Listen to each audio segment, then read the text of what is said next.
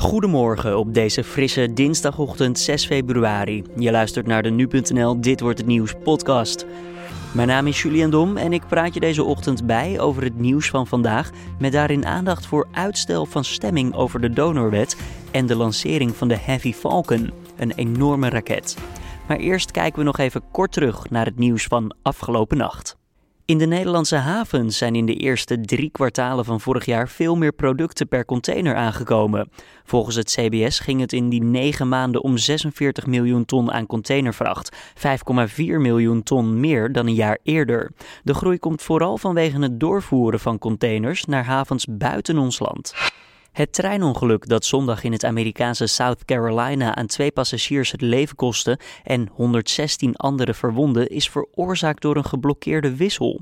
De trein van Amtrak kwam daardoor op het verkeerde spoor terecht en botste vervolgens in de buurt van Columbia op een stilstaande en onbemande goederentrein. Hoe het kan dat de wissel geblokkeerd was, wordt nog onderzocht. Nog eens 32 Russische sporters hebben beroep aangetekend tegen het besluit van het Internationaal Olympisch Comité om ze niet toe te laten op de Olympische Winterspelen in Zuid-Korea. Het sporttribunaal had zich onlangs al gebogen over 39 beroepszaken die Russische atleten hadden aangespannen na hun levenslange schorsing wegens dopingovertredingen tijdens de Spelen van Sochi in 2014. Daarvan werden 28 sporters al vrijgesproken, maar zij mogen desondanks niet meedoen aan de huidige winterspelen. De aandelenbeurzen in New York zijn flink in het rood gesloten. Daarmee kreeg de daling van voor het weekend nu een vervolg. De leidende Dow Jones-index sloot ver onder de grens van 25.000 punten en dook tussentijds zelfs onder de 24.000 punten, wat neerkwam op een verlies van zo'n 6%. Uiteindelijk sloot Dow 4,6% lager. Het gaat om de grootste daling sinds 2011. Dan kijken we eventjes naar de nieuwsagenda van deze dinsdag 6 februari. De Eerste Kamer en D66-Kamerlid Pia Dijkstra maken zich op voor de tweede ronde in het debat rondom de donorwet. De wet is al door de Tweede Kamer heen, alleen rest nog een akkoord van de Eerste Kamer. De nieuwe donorwet betekent dat volwassen Nederlanders voortaan automatisch donor worden, tenzij expliciet bezwaar wordt gemaakt. In het geval dat niet kenbaar is gemaakt, wordt er geregistreerd dat er geen bezwaar tegen orgaandonatie is. Vandaag zou eigenlijk gestemd moeten worden over de wet, maar er kwam uitstel naar volgende week. We vroegen aan nu.nl politiek verslaggever Avinash Biki waarom dat is. Omdat het debat eigenlijk niet klaar was vorige week. Eigenlijk zouden ze vorige week zou de Eerste Kamer ehm, hadden ze de hele dag uitgetrokken om de wet te behandelen. Maar uh, ja, de senatoren waren niet tevreden over de antwoorden die uh, Dijkstra gaf. Die hebben er eigenlijk met huiswerk terug naar huis gestuurd. Een van de eisen die het Senaat had gesteld was dat er een brief zou komen. Die is afgelopen vrijdag binnengekomen. Uh, maar wat stond erin en waarom werd dit eigenlijk verwacht? dat is dus de huiswerk die, of wat, wat de Eerste Kamer heeft gestuurd. Pierre Dijkstra moest dus een aantal dingen nog ophelderen. Nou, onder andere van wat betekent deze wet nou voor de onaantastbaarheid van, het, van, van jouw lichaam? Hè? In hoeverre uh, heeft de overheid het recht om een beslissing voor jou te nemen. Maar ook, uh, heel belangrijk, wat is nou precies de positie van het nabestaande in dit hele proces? En wat is de positie van de arts in dit proces? Uh, nou ja, daar heeft ze dus antwoord op gegeven. Dat waren dus vragen die, die de Kamerleden nog hadden, of de Eerste Kamerleden nog hadden. Ja. En wat zij dus nu heeft gedaan, nou, die positie van de nabestaande, heeft zij gezegd. Uiteindelijk behouden de nabestaanden het, het recht om. Um, te beslissen wat er met, jou, uh, met, met jouw organen gebeurt. Dus zelfs als jij hebt ingevuld uh, dat, jou, dat jij jouw organen wil afstaan voor donatie, mogen de nabestaanden nog zeggen: Nou, dat willen wij eigenlijk liever niet. Dat heeft te maken met uh, de belangen van het rouwproces van de nabestaanden. Daar willen dus de artsen en de, de indiener van deze wet willen daar absoluut rekening mee houden. En tegelijkertijd komt dan eh, de vraag naar boven, waar, wat verandert er dan eigenlijk met deze wet? Ik bedoel, als uh, in de huidige positie die nabestaanden dus het recht hebben om dat te weigeren en in de nieuwe positie ook. En Dijkstra heeft expliciet in de brief geschreven dat uh, er worden geen organen uh, gedoneerd zolang er geen contact is opgenomen met de nabestaanden, verandert er de facto eigenlijk niet zoveel. En ik ben dus benieuwd naar wat de senatoren daarvan vinden. Uh, omdat het een ja, best wel ingrijpende wetswijziging is. En uh, um, ze zullen er zeker vragen over stellen over uh, waar is deze wet dan voor nodig. Als er uh, in, in, uh, in de praktijk dus niet zoveel gaat veranderen aan het systeem. Hoe zit het dan, wat er vandaag gedaan moet worden? Is het een, een lange debatsessie of hoe, hoe, gaat het eruit zien? Nou, het debat staat volgens mij gepland van half twee tot half zes. Dus het is eigenlijk een, een vervolg van het debat wat van, van vorige week uh, gepland stond. Dus zo lang zal het niet worden. Zo lang zal, zal het debat niet duren. waar het echt op neerkomt is dat Pia Dijkstra vandaag ja, die Kamerleden of die senatoren die ze echt nodig heeft om een meerderheid van achter haar wet te krijgen, die moet zij nu gaan binnenhalen. En ja, het wordt bespannend om te zien uh, hoe partijen als PvdA, CDA en VVD hoe die daarin staan en of die tevreden zijn met, uh, met, de, met de brief die afgelopen vrijdag is gestuurd. En uh, ja, dat, dat wordt spannend. En het wordt ook belangrijk om te kijken hoe Dijkstra er, erin gaat hè, in, in dat debat. Vorige week was, uh, reageerden ze soms een beetje kribbig op een aantal vragen. Dat, dat, ja, dat, daar, waren de senatoren duidelijk niet van gediend. Uh, dus het zal ook interessant zijn om te kijken hoe zij dit keer met die, met die vragen zal omgaan. Want ja, zij heeft die senatoren harder nodig dan die senatoren haar. Je hoorde onze politiek verslaggever Avinash Biki over de donorwet. Voor tech-icoon en miljardair Elon Musk zal het vandaag ontzettend spannend worden. Musk, bekend als CEO van Tesla Motors en oprichter van SpaceX, zal vandaag toekijken hoe de Falcon Heavy wordt gelanceerd. De raket zal richting Mars opstijgen en de lading is al dan niet opmerkelijk. Zijn eigen rode Tesla Roadster zit namelijk in het ruim. Wel voor een enkele reis. Alle fans en professionals van en uit de ruimtevaart zullen vanavond klaarzitten om af te tellen. Collega Carné van der Brink sprak alvast met de ruimtevaartdeskundige Arno Wilders en vroeg hem hoe belangrijk deze lancering is voor de ruimtevaart. Deze lancering is vooral belangrijk voor de commerciële ruimtevaart. Er zijn al vrij uh, grote raketten aanwezig, Atlas 5, uh, eh, Delta 4. Maar wat Musk nu aan het doen is met zijn Falcon Heavy, is dat als het goed gaat morgen, dan heeft hij een raket in huis die de zwaardere uh, communicatiesatellieten kan lanceren. Um, voor een veel lagere prijs. Hm. Kijk, het gaat allemaal om uh, kosten per kilogram om in een baan rondom de aarde te brengen. En Falcon Heavy gaat veel goedkoper dat doen. Uh, mede omdat ze in staat zijn om de drie uh, cores, hè, dus de drie zijraketten, de twee zijraketten en de middelste, die kunnen ze weer terugvliegen naar de aarde om weer voor een volgende lancering te gebruiken. Ja. Dus daar zit een grote kostenbesparing in. En dat is het belangrijke aspect eraan. Ja, want ze vliegen inderdaad weer terug naar de aarde en dan kan je ze opnieuw gebruiken. Het is bijna bizar als je erover na moet denken. Nou ja, eigenlijk, eigenlijk, eigenlijk is het bizar dat dat nog niet zo, uh, zo is eigenlijk. Hè? Dat is de grap. Want in de luchtvaart gebruiken we vliegtuigen natuurlijk ook niet één keer.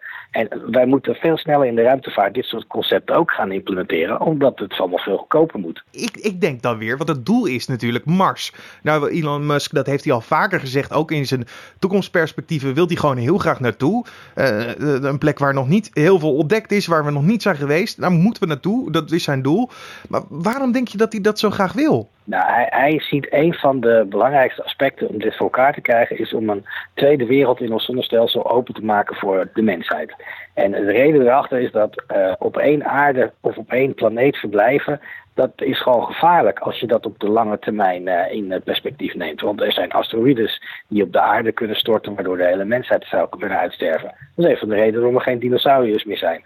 Dus hij ziet dat als een lange termijn project om uh, de mensheid een, een, tweede planeet en daarna ook gewoon verder. Hè? Kijk, het hele zonnestelsel ligt bezaaid met uh, grondstoffen die gebruikt kunnen worden om de mensheid verder te brengen. En ook om bepaalde problemen die we hier op aarde hebben op te lossen. Dus hij, hij ziet dat als een uh, investering in de mensheid. Nou, denk je dat dit ook echt het begin is? Misschien is dat al lang aan de gang, waar wij gewone stervelingen totaal niks van af weten. Van heel veel retourtjes naar Mars of veel meer ruimtevaartreizen? Nou, ik denk dat we inderdaad in de komende jaren een uh, grote groei zal zien van een aantal raketlanceringen naar de ruimte. En dan praten we niet alleen over uh, raketten met mensen erin, maar ook bijvoorbeeld uh, grote constellaties die de aarde nauwkeurig in kaart gaan brengen. En dat meerdere keren per dag. we praten over constellaties waarbij communicatiesatellieten nog veel sneller met elkaar kunnen samenwerken. internet voor iedereen op de aardbol. Dus daar zal je als eerste een heel grote explosieve groei in zien. Daarnaast waar Musk en Bezos mee bezig zijn, is inderdaad om mensen weer de ruimte in te brengen. En dan niet op de manier zoals het altijd door overheden is gedaan, maar op de manier zoals een commerciële bedrijf dat doet. Dus met kaartjes verkopen. En ja, zij hopen dat daar een grote markt voor is. Ja, en dan als eerste stuurt hij naar de, naar de planeet Mars, stuurt hij zijn eigen rode Tesla. Er is heel veel kritiek op hem waarom hij dit doet, maar ik, de kritiek snap ik niet helemaal. Deze raket heeft hij zelf gebouwd, uh, daar heeft hij zelf voor betaald. Uh, het zou heel stom zijn van hem als hij een betalende passagier mee zou nemen. Dus een dure communicatiesatelliet op een raket die voor het eerst omhoog gaat. Dus wat hij heeft gezegd twee jaar geleden al. Ik ga het gekste wat ik kan bedenken, dat ga ik met deze eerste lancering meesturen. En ik denk dat hij daar aardig, uh, dat hij daar aardig in geslaagd is. Kijk, die, die, die auto die straks in een baan rondom de zon gaat vliegen, uh, met daarin ook nu een soort ja, een model, een pop die erin zit. Ja, dat spreekt wel tot de verbeelding tot uh, jonge mensen. En, en die zijn, raken veel meer geïnteresseerd in de ruimtevaart. Dus ik zie het helemaal niet als een slecht iets om een keertje iets geks te doen. Als hij daarmee bewijst dat zijn raket gewoon goed werkt, waarom zou je dan niet zoiets meesturen? En als we toch weer teruggaan naar ons oude eigen koude kikkerlandje. Denk je dat Nederland nog in de toekomst iets zou kunnen betekenen in de, nou misschien de commerciële ruimtevaart, maar of gewoon in de traditionele ruimtevaart? Zullen wij nog een, een deel uitmaken van dit geheel? Nou ja, wij, kijk, Nederland speelt natuurlijk een rol in de Europese ruimtevaartorganisatie ESA. Daar spenderen we niet al te veel geld aan per jaar, dat moet ik dan wel weer aangeven. Maar we zitten daar wel in en we hebben, we hebben best wel een, goed, een goede reputatie op het gebied van de bouw van instrumentatie voor aardobservatie en daarbuiten. Dus we, spelen best wel een rolletje, maar die is klein. En in mijn ogen zou die veel groter moeten worden. Ook omdat uh, wat je investeert, je vaak vele malen terugkrijgt in de vorm van uh, goede opgeleide mensen, uh, technologieontwikkeling en dat soort zaken. Dus het zou voor Nederland slim zijn, kijk maar naar wat Luxemburg aan het doen is, om een keer wat meer te investeren in de ruimtevaart in het algemeen. Ja, en als gewone burger hoor ik jou al zeggen dat we eigenlijk gewoon moeten sparen voor een vakantiehuisje op Mars of op Pluto.